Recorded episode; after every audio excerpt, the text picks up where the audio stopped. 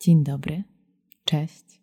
Mówię dzisiaj z taką pewną handrą jesienną w duszy, na sercu, na ramieniu.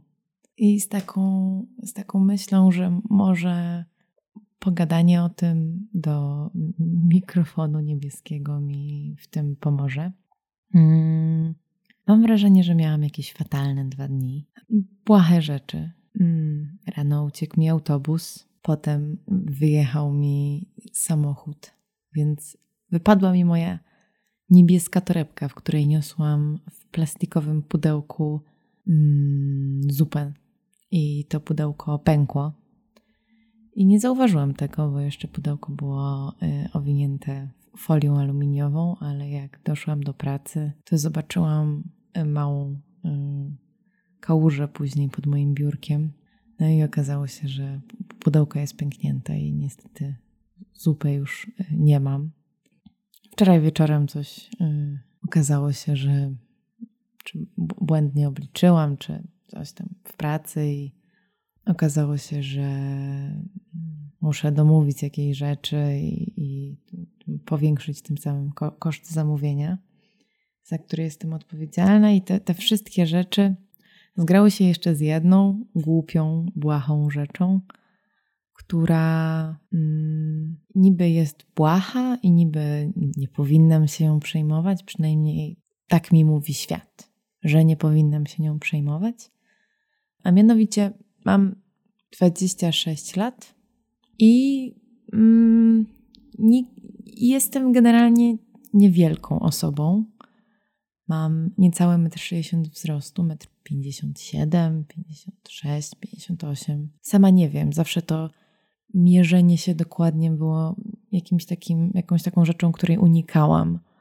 W dowodzie wpisałam sobie 1,60 m z jakąś taką nadzieją, że może urosnę w wieku 18 lat.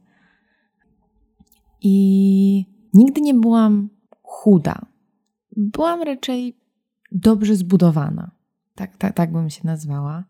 Uprawiałam bardzo dużo sportów jako dziecko, co było bardzo zdrowe i byłam zawsze najszybsza, najsprawniejsza. Też to dało mi bardzo, bardzo porządną masę kostną, o dziwo. Y, I daje mi to duży komfort y, przemieszczania się po świecie i próbowania rzeczy, bo wiem, że nigdy nic sobie nie złamię, przynajmniej trzymam kciuki, bo mm, póki co to się sprawdza ale dało też pewien taki e, element mojemu ciału, którym była zawsze rozbudowana tkanka mięśniowa. Mm, I jako młodej dziewczynie dorastającej, już tak naprawdę w tym duchu mediów, chociaż jeszcze nie tak bardzo jak to jest teraz, było to zawsze dla mnie jakoś trochę problematyczne. To, jak wyglądam, to, jak wygląda moje ciało. No i niestety miałam ten okres w życiu, koniec liceum, początek studiów, kiedy wtedy byłam najszczuplejsza. Jednak wynikało to z y, bardzo złego trybu życia, niesportowego, o dziwo, i z, mm, z dużej ilości stresu, ogromnej ilości kawy. I wtedy moje ciało w moim mniemaniu było najładniejsze, ale mm, ilość stresu, tak naprawdę, która doprowadziła mnie do, do tego, że, że, tak wyglądałam, tak naprawdę no, też wynikała z tego, że w pewnym momencie moje ciało zaczęło się zmieniać. Zaczął się zmieniać mój nastoletni metabolizm w metabolizm dorosłej osoby. No i w wieku tam 21 lat zaczęłam zauważać, czy nawet 19 czy 17, że już nie mogę sobie tak bezkarnie wszystkiego jeść, bo jednak to wpływa na moją wagę, na moje ciało. To był taki trochę ping-pong takiego super spinania się, a następnie jakiegoś takiego błogiego stanu odpuszczenia i takiego słucham swojego organizmu, będę jadła tyle, ile mi się podoba, tyle, ile potrzebuję, tyle, ile czuję. I, i tak naprawdę wszystko było ok. Do mniej więcej rok temu, pół roku temu, kiedy to słuchanie mojego ciała tak naprawdę już nawet przestało działać. Już, da dawno wyrosłam z jakichś takich obsesyjnych napadów głodu, które wynikały po prostu z ciągłego bycia na deficycie kalorycznym. Już mm, przestałam mieć ochoty na rzeczy, które nie lubię, co kiedyś było dla mnie normalne, że na przykład potrafiłam zjeść pół opakowania delicji, mimo tego, że w ogóle ich nie lubiłam, tylko dlatego, że po prostu mój organizm był w szale i potrzebował czegokolwiek i fakt, że akurat delicje były w pobliżu sprawiało, że, że byłam w stanie ich zjeść dużo, mimo tego, że to nie był mój ulubiony przysmak. No ale y, y, ostatni rok y, tak naprawdę mój tryb życia jest ok. Nie mam przesadnie stresów, mam stabilną pracę. Y, staram się zdrowo odżywiać, lubię gotować, więc nie jem przesadnie dużej ilości syfnego jedzenia, że tak powiem. Jem skromnie, ale tak jak przez całe życie, od tak naprawdę piątej, szóstej klasy, moje ciało praktycznie się nie zmieniło, bo ani nie urosłam od tamtego momentu. I tak, trochę przebierałam na wadze, trochę traciłam, ale mniej więcej mieściłam się w podobnym rozmiarze. Tak doszłam do momentu, kiedy nie mieszczę się w żadne spodnie. I trochę myślałam, że mnie to ominie w życiu, Trochę myślałam, że ominie mnie ten moment, kiedy będę musiała jakiekolwiek ubrania wyrzucić, ze względu na to, że się w nich nie mieszczę. Raczej je wyrzucałam tylko dlatego, że były stare albo wyglądały jak dla gimnazjalistki. Ale w związku z tym, nawet z takim miłym humorem, poszłam na zakupy i przypomniałam sobie coś, czego tak naprawdę dawno nie doświadczyłam, no bo tak jak mówię, moje ciało nie, niezbyt się zmieniało, więc miałam dużo rzeczy, w których mogę chodzić, ale doświadczyłam czegoś, co pamiętam właśnie z jakiegoś takiego nastoletniości, że nie ma dla mnie ubrań. Nie jestem w stanie znaleźć dla siebie spodni. Nie dlatego, że jestem tak ogromna, tylko dlatego, że po prostu nie mieszczę się w kanonie wielkości, które powinna mieć. Sklep, który kiedyś Mm, jako jedyny miał spodnie, które nie były dla mnie przesadnie za duże, za długie i w tym momencie tak, noga, nogawka może jest ok, ale już ich nie zapnę, już w nich nie usiądę. Mm, a jeżeli założę jakiekolwiek inne spodnie, no to są za długie. No i można mądrze powiedzieć, ale nie ma problemu. To jest żaden problem. Przecież spodnie można skrócić. No tak, ale nie można, czy pewnie można, tylko to nie jest coś, na co 25-letnia kieszeń i kieszeń finansowa i kieszeń czasowa ma czas. W momencie, kiedy kolana, miejsca, w których kolana są na spodniach, są gdzieś w połowie mojej łydki. I ta pani w sklepie mówi, ale spokojnie, one są 7 ósmych. One się wyżej kończą. Wszystko będzie w porządku. No, i tak muszę je podwinąć. Tak. Muszę i tak i tak podwinąć coś spodnie 7 ósmych co już jest takim troszeczkę dla mnie przykrym sygnałem. Ale co więcej, nie mogę nawet ich podwinąć, nawet nie mogę ich skrócić, ponieważ układają się okropnie, bo zgięcia, to jak są uszyte, to gdzie mają kolana jest gdzieś w połowie łydki. Mm. I dlaczego o tym mówię? Bo to jest trochę przydługi wstęp. Bo, bo napadła mnie jakaś taka powtórna fala frustracji moim ciałem, um, i tym, jak ono wygląda, mimo tego, że już myślałam, że jestem daleko za tym, um, to chciałabym opowiedzieć trochę o pięknie. O pięknie, które um, takich kategoriach cielesnych, właśnie, tak jak mówię, było ze mną na różnych etapach, w różnych formach, ale też chciałabym pomówić o takim pięknie rzeczy, które nas otaczają i o jakiejś takiej estetyzacji wszystkiego, która dla mnie jest trochę przytłaczająca. I jest też przytłaczająca dlatego, że mam wrażenie, że są dwa nurty.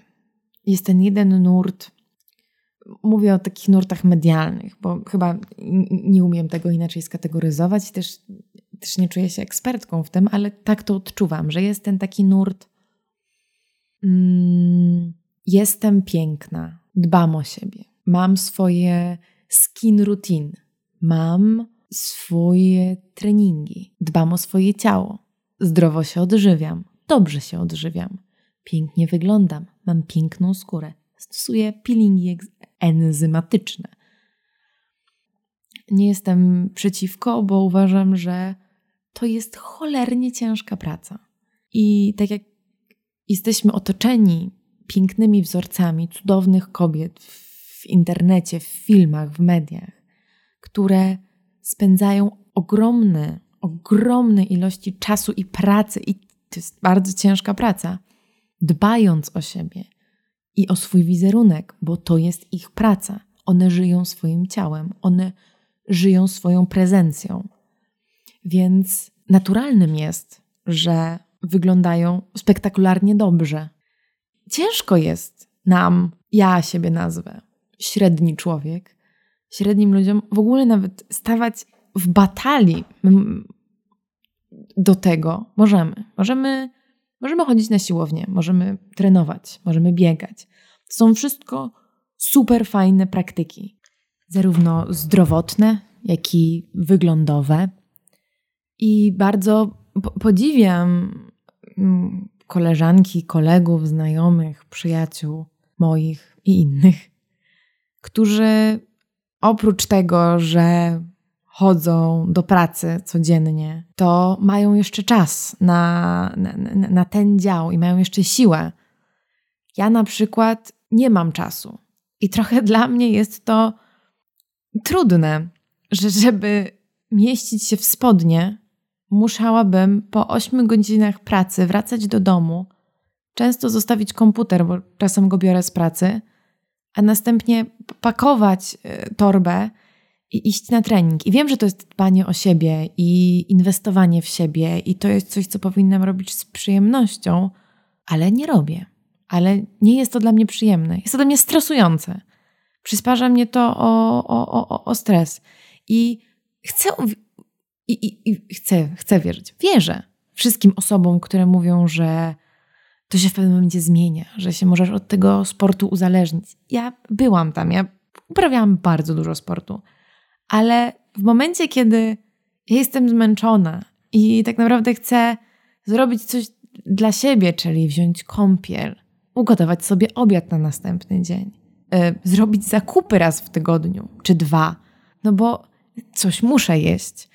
Nie wiem, raz na jakiś czas pójść do drogerii, raz na jakiś czas spotkać się ze znajomymi, też zadbać o moje życie społeczne. I czasem, nie wiem, zrobić je jeszcze coś innego dla siebie, jak, nie wiem, obejrzeć film czy zrobić świeczkę. To po prostu systematyczne chodzenie na siłownię dla mnie jest zbyt dużą ceną za to, żeby mieścić się w spodnie. Za to, żebym mogła pójść do Lewisa, Lee, Wranglera, do któregokolwiek ze sklepów i znaleźć tam spodnie, które są ok. I już nie mówię o najlepszych, najfantastyczniejszych, idealnych spodniach, ale chociaż takie, które są na mój wzrost, chociaż takie, w których nie wyglądam dziwnie. Miałam mówić o dwóch nurtach, a więc już widzimy w, w mediach ten taki nurt idealnie zadbanych, pracujących, ciężką pracą fizyczną i psychiczną ludzi, osób, którzy o siebie dbają, jest też ten drugi nurt, który ostatnio mm, Bożenka z klanu skrytykowała jako moda na brzydotę, który jest tym nurtem mm, tak, ciało pozytywności, tego, że ciała są różne i wszystkie są piękne i wszystkie są fantastyczne. I to jak najbardziej też jest super, pokazywanie tej naturalności, pokazywanie tej różnorodności, pokazywanie tego, że nie wszyscy wyglądamy tak jak modelki i aktorki, które jak już mówiłam, pracują swoim ciałem i o nie dbają. Tak jak my chodzimy i dbamy o to, żeby dostawać wypłaty, tak te osoby muszą dbać o swoje ciało i o swoją, swój wizerunek. To super, że pokazuje się tą drugą stronę medalu, tego, że każde ciało jest y, jakieś i trzeba je zaakceptować, i trzeba i, i, I fałdki są spoko, i celulit jest spoko, i włosy na nogach są spoko, i małe stopy są spoko, i duże stopy są spoko. A ja jestem gdzieś po środku, bo tak jak te wszystkie rzeczy u innych ludzi akceptuję i kocham i uważam, że są fantastyczne i świetne, tak dla mnie, u mnie w głowie to jest wahadło. To jest jednego dnia, wszystko jest super. Lubię taką dziwną strukturę skóry, którą mam, która ewidentnie jest na tyle cienka, że pokazuje tę taką granulację tkanki tłuszczowej pod spodem. Czasem mam z tym w porządku, a czasem są takie dni, kiedy czuję, że są ludzie dookoła mnie, dziewczyny, piękne kobiety, i one mają taką ładną torebkę, dobraną do takich ładnych butów i tak ładnie wyglądają. I jeszcze w ogóle wszystko robią z taką totalną nonszalancją. I myślę sobie, Jezu, no to ja, ja jestem zapuszczona. Ja nie powinnam akceptować takich rzeczy w moim ciele. Przecież ja powinnam mierzyć wyżej, powinnam starać się lepiej. Może nie powinnam chodzić tylko i wyłącznie w szarych t-shirtach, tylko powinnam mieć bluzeczki, powinnam mm, wyglądać eleganckiej, powinnam mieć ładniejszą torebkę, bo, bo powinnam. Bo przecież wydawanie pieniędzy na rzeczy dla siebie, na swoje dobre samopoczucie jest w porządku. No i ja już sama nie wiem, co jest w porządku. Ja jak, jak, jak, jak się umaluję, jak na przykład założę tusz do rzęs, zdarza mi się rzadko, bo w pewnym momencie miałam taką awersję do malowania się. Miałam takie, ale przecież to nie zmienia mojej twarzy. To czemu ja mam się zmieniać dla całego świata, skoro to nie jest moja twarz? I, i, i przez wiele lat się w ogóle nie malowałam, ale teraz czasem czuję, że kurde, no ale może, może powinnam, może, może nie malując się, daję taki statement światu, że mam ich wszystkich w dupie i że mam siebie w dupie i że w ogóle nie wiem. Jest mi bardzo trudno być w tym środku. Jest mi bardzo trudno być w tym środku osób, które z jednej strony czasem mają to gdzieś, a czasem nie. W tym środku, gdzie jednak pracuję 8 godzin dziennie, dojeżdżam 40 minut w jedną stronę, 40 minut w drugą stronę, co już daje ponad 9 godzin. Jak chcę sobie kupić rano coś do jedzenia jeszcze przed pracą, to to w sumie jest na pewno 9,5 godziny. Zostaje mi 5 godzin zakładając, że chciałabym jeszcze trochę pospać w życiu, czasu, kiedy, kiedy coś mam jeszcze robić i jeszcze wtedy powinnam zajmować się tymi wszystkimi rzeczami. I, I, gdzie to jest? Gdzie jest to, gdzie jest ten środek? Gdzie jest ten moment, że żeby, że, że nie wszystko musi być piękne. Może, ale to też nie jest prawda, bo, bo, bo piękno jest piękne. Um, nie wiem, chyba, chyba nie, nie chcę tutaj mówić nic, co jest jakimkolwiek wiążącą konkluzją, tylko raczej mm, chciałabym też opowiedzieć o pięknie, którym się otaczamy. I o tym, że jestem po studiach trochę inżynierskich, trochę artystycznych. I wszystko, co robiłam na studiach, musiało być piękne. Każda najgłupsza praca pisemna była Niektórzy je drukowali na czerpanym papierze, inni je mm, szyli własnymi rękami i nićmi, niebieskimi, bo, bo taki modny w tym sezonie. Była patrzenie, a jakiej ktoś użył czcionki, a jakiej ktoś użył czcionki do nagłówku, a jakiej ktoś do tekstu, a jakiej ktoś zrobił marginesy. O mój Boże, jak pięknie wyjustowany tekst. Każda rzecz musiała być piękna. Każde wszystko było takie wy wymuskane. I to z kolei mnie doprowadziło do jakiegoś takiego entuzjastycznego podchodzenia do rzeczy, które są wystarczająco ok. I uważam, że najbardziej lubuję się w rzeczach, które są mm, po prostu, które są zrobione tak dla czegoś, a nie tylko dlatego, żeby było to dla piękności. Jak patrzę na mieszkanie, w którym teraz siedzę, jest to mieszkanie schludne, okej. Okay. Mieszkają tu dwie architektki, ja i moja współlokatorka. I szczerze powiedziawszy, jest to zwykłe mieszkanie. Jak sobie myślała, myślałam kiedyś, jak wygląda mieszkanie, w którym mieszka architekt czy architektka, czyli osoba, która tak naprawdę zajmuje się urządzeniem przestrzeni, no to na przykład na y, półkach nie było tekturowych pudełek po Superfarm zakupach online, które przyszły, w których na przykład mamy pochowane rzeczy. tylko powinny to być piękne kosze wiklinowe. Najlepiej w stylu balijskim. E, wszystkie osłonki na doniczki, na kwiatki powinny być w podobnym stylu, a nie takie jak po prostu miała moja mama w garażu, bo już ich nie chciała. Może poduszki powinny mieć chociaż jakieś modne poszewki z ostatniej kolekcji Zara Home. No ale niestety jest to e, zlepek poduszek, które znalazłam w domu, bo moi rodzice już ich od 10-15 lat nie używają i dwie nowe poszewki, które mm, moja współlokatorka zamówiła, bo potrzebowała dwóch artykułów około 10 zł, żeby mieć darmową dostawę na Allegro. I, i taka, taka jest przestrzeń wokół mnie. Świeczki mam w, zrobione w słoikach po musztardzie, ale nie w taki cool sposób, tylko jeszcze z jakąś starą etykietą. Nawet jeżeli brzmi to jak jakiś taki egzotyczny eklektyzm, to wcale to nie jest takie. Mam też ładne rzeczy i chyba lubuję się w tej takiej funkcjonalnej nonszalancji i tym, że jest to przestrzeń, w której czuję się ok, dlatego że nie czuję się w niej spięta, dlatego że nie czuję, że mój dres do niej nie pasuje. Ale mam wrażenie, że też tak to widzę po znowu, po tej, po tej lubce, przez którą oglądam ludzi, że strasznie dużo czasu i energii ludzie nie chcę powiedzieć marnują, ale spędzają nad estetyzacją swojego świata.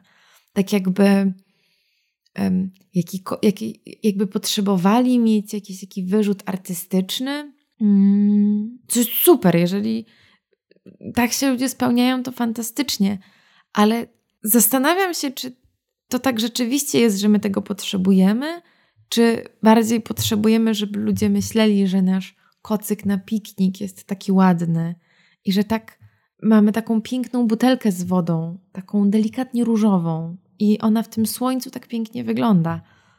Mm, I kiedyś miałam taką rozmowę z, z, z dziewczyną, która prowadzi Instagram i z niego żyje, co też rozumiem, jeżeli to jest Twoje miejsce pracy, to, to tam nie ma w ogóle dyskusji na, na, na temat niczego. Ale ona też mówiła w taki prywatny sposób, że ją to inspiruje. Ją to inspiruje do bycia lepszym, do e, jakichś takich ładniejszych rzeczy, poszerza jej estetyczne horyzonty myślę sobie, że to jest trochę takie szkiełko, przez które patrzymy, i ja bym bardzo nie chciała dla samej siebie patrzeć tak na ludzi i myśleć sobie o sobie lepiej, jak poukładam sobie ładnie rzeczy na kocyku i zrobię im zdjęcie, bo w takich samych kategoriach będę traktowała ludzi. Wchodząc do nich do mieszkania, będę mówiła: mm, O, pięknie, ale tak naprawdę będę myślała: A, ta kuchnia, ten blat, ogóle, że im nie przeszkadza taki brzydki, to jest jakiś zły świat. I mm, bardzo mnie przeraża ten, ten proces estetyzacji każdej jednej dziedziny naszego życia. Że jedzenie musi być piękne, że już nie można mieć brzydkiego obiadu, bo jak go sfotografować, że już nie można mieć brzydkich talerzy, że już w tym momencie w internecie są rankingi najbardziej fotogenicznych desek do krojenia, co jest chore, bo deska do krojenia nie powinna być fotogeniczna. Przede wszystkim powinna być łatwa do umycia, higieniczna i nie powinna tępić noży. I powinna być wystarczająco duża, żeby na przykład pokroić trzy pomidory, ale też niezbyt duża, żeby zmieściła się do zmywarki, jeśli ktoś ma, ja nie mam, albo żeby mieściła się w miarę do szafek. To jest dobra deska do krojenia. Dobra deska do krojenia to nie jest stricte taka, na której i dobrze wygląda ser, i dobrze wygląda mięso, i pomidor. Chociaż wierzę, że jeżeli to jest Twoja praca, to to jest coś, na co zwracasz uwagę. Ale nie wymyślę powodu, żeby na wyspie bezludnej wybrać taką deskę, która będzie przede wszystkim fotogeniczna, a nie funkcjonalna. I chyba też mówię to po to, żeby sobie o tym przypominać i żeby może mm, wyjść z tej pułapki, w którą wpadłam, chodząc po tych sklepach w Arkadii i szukając spodni, których nie mogę znaleźć i tak naprawdę nie mam w czym chodzić. I wtedy sobie pomyślałam, spoko, może powinnam zacząć chodzić w rajstopach i sukienkach. Niestety nie mam żadnej nieletniej sukienki, bo chodzę w sukienkach, ale chodzę w nich latem, bo jest to funkcjonalne, bo wtedy jest ciepło. Ale z jakiegoś powodu dawno nie chodziłam w sukienkach zimą, więc takich nie mam. Albo mam gdzieś schowane w szafie z gimnazjum. Jeśli jeszcze ich nie wydałam.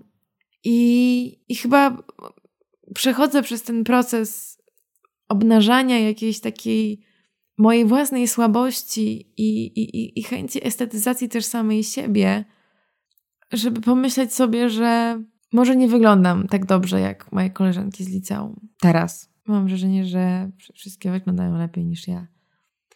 I może nie wyglądam tak dobrze, jak wyglądałam 5 lat temu albo 10. I na pewno nie ważę tyle. I na pewno. I chcę sobie przetworzyć to do tego stopnia, żeby też sobie powiedzieć, że no to jeżeli ci to przeszkadza, to to zmień. Ale ja nie chciałabym chodzić na siłownię trzy razy w tygodniu tylko po to, żeby moje ciało mieściło się w kategoriach, które akceptuję. Ja chciałabym chodzić na siłownię dlatego, że lubię chodzić na siłownię, albo dlatego, że uważam, że to jest zdrowe, bo mój tryb życia przy biurku nie jest wystarczająco okej. Okay.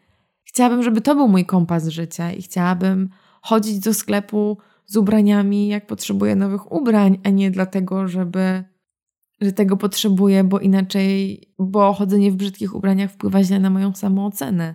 Moja samoocena powinna być niezależna, tam to, to powinien być dodatek.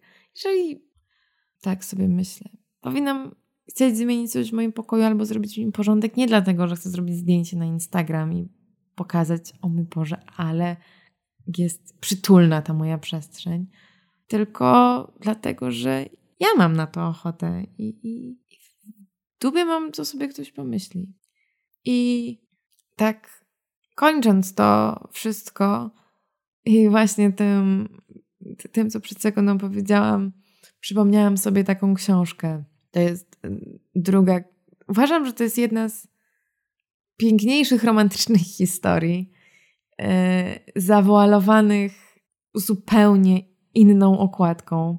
A mianowicie jest to druga, druga taka, nie chcę powiedzieć fabularna, to jest jakieś ładniejsze słowo na to, nienaukowa, popularna książka Richarda Feynmana, która się nazywa.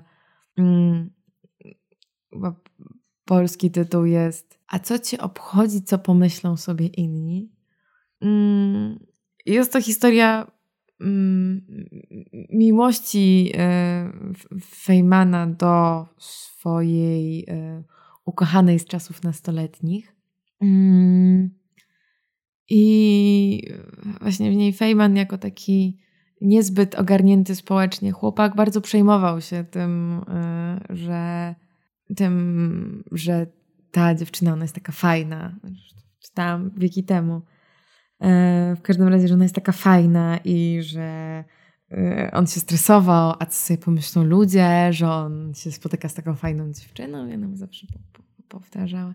A co cię obchodzi, co myślą sobie co pomyślą o tobie inni. I jest to strasznie trudna rzecz do egzekwowania. Jest to bardzo, bardzo łatwe, żeby tak sobie mówić, tym bardziej, jeżeli jest się osobą, która czuje się spoko. Pamiętam, że moja najlepsza przyjaciółka, współlokatorka, poznałam ją na studiach, to jedną z takich najbardziej imponujących rzeczy, którą w niej jakoś tak dostrzegałam, to, jej, to była jej taka, taki totalny szacunek do samej siebie, w takim wydaniu, że ona się w ogóle nie przejmowała tym, co sobie ludzie pomyślą, to co w ogóle, czy ona powinna to zrobić, czy wypada to.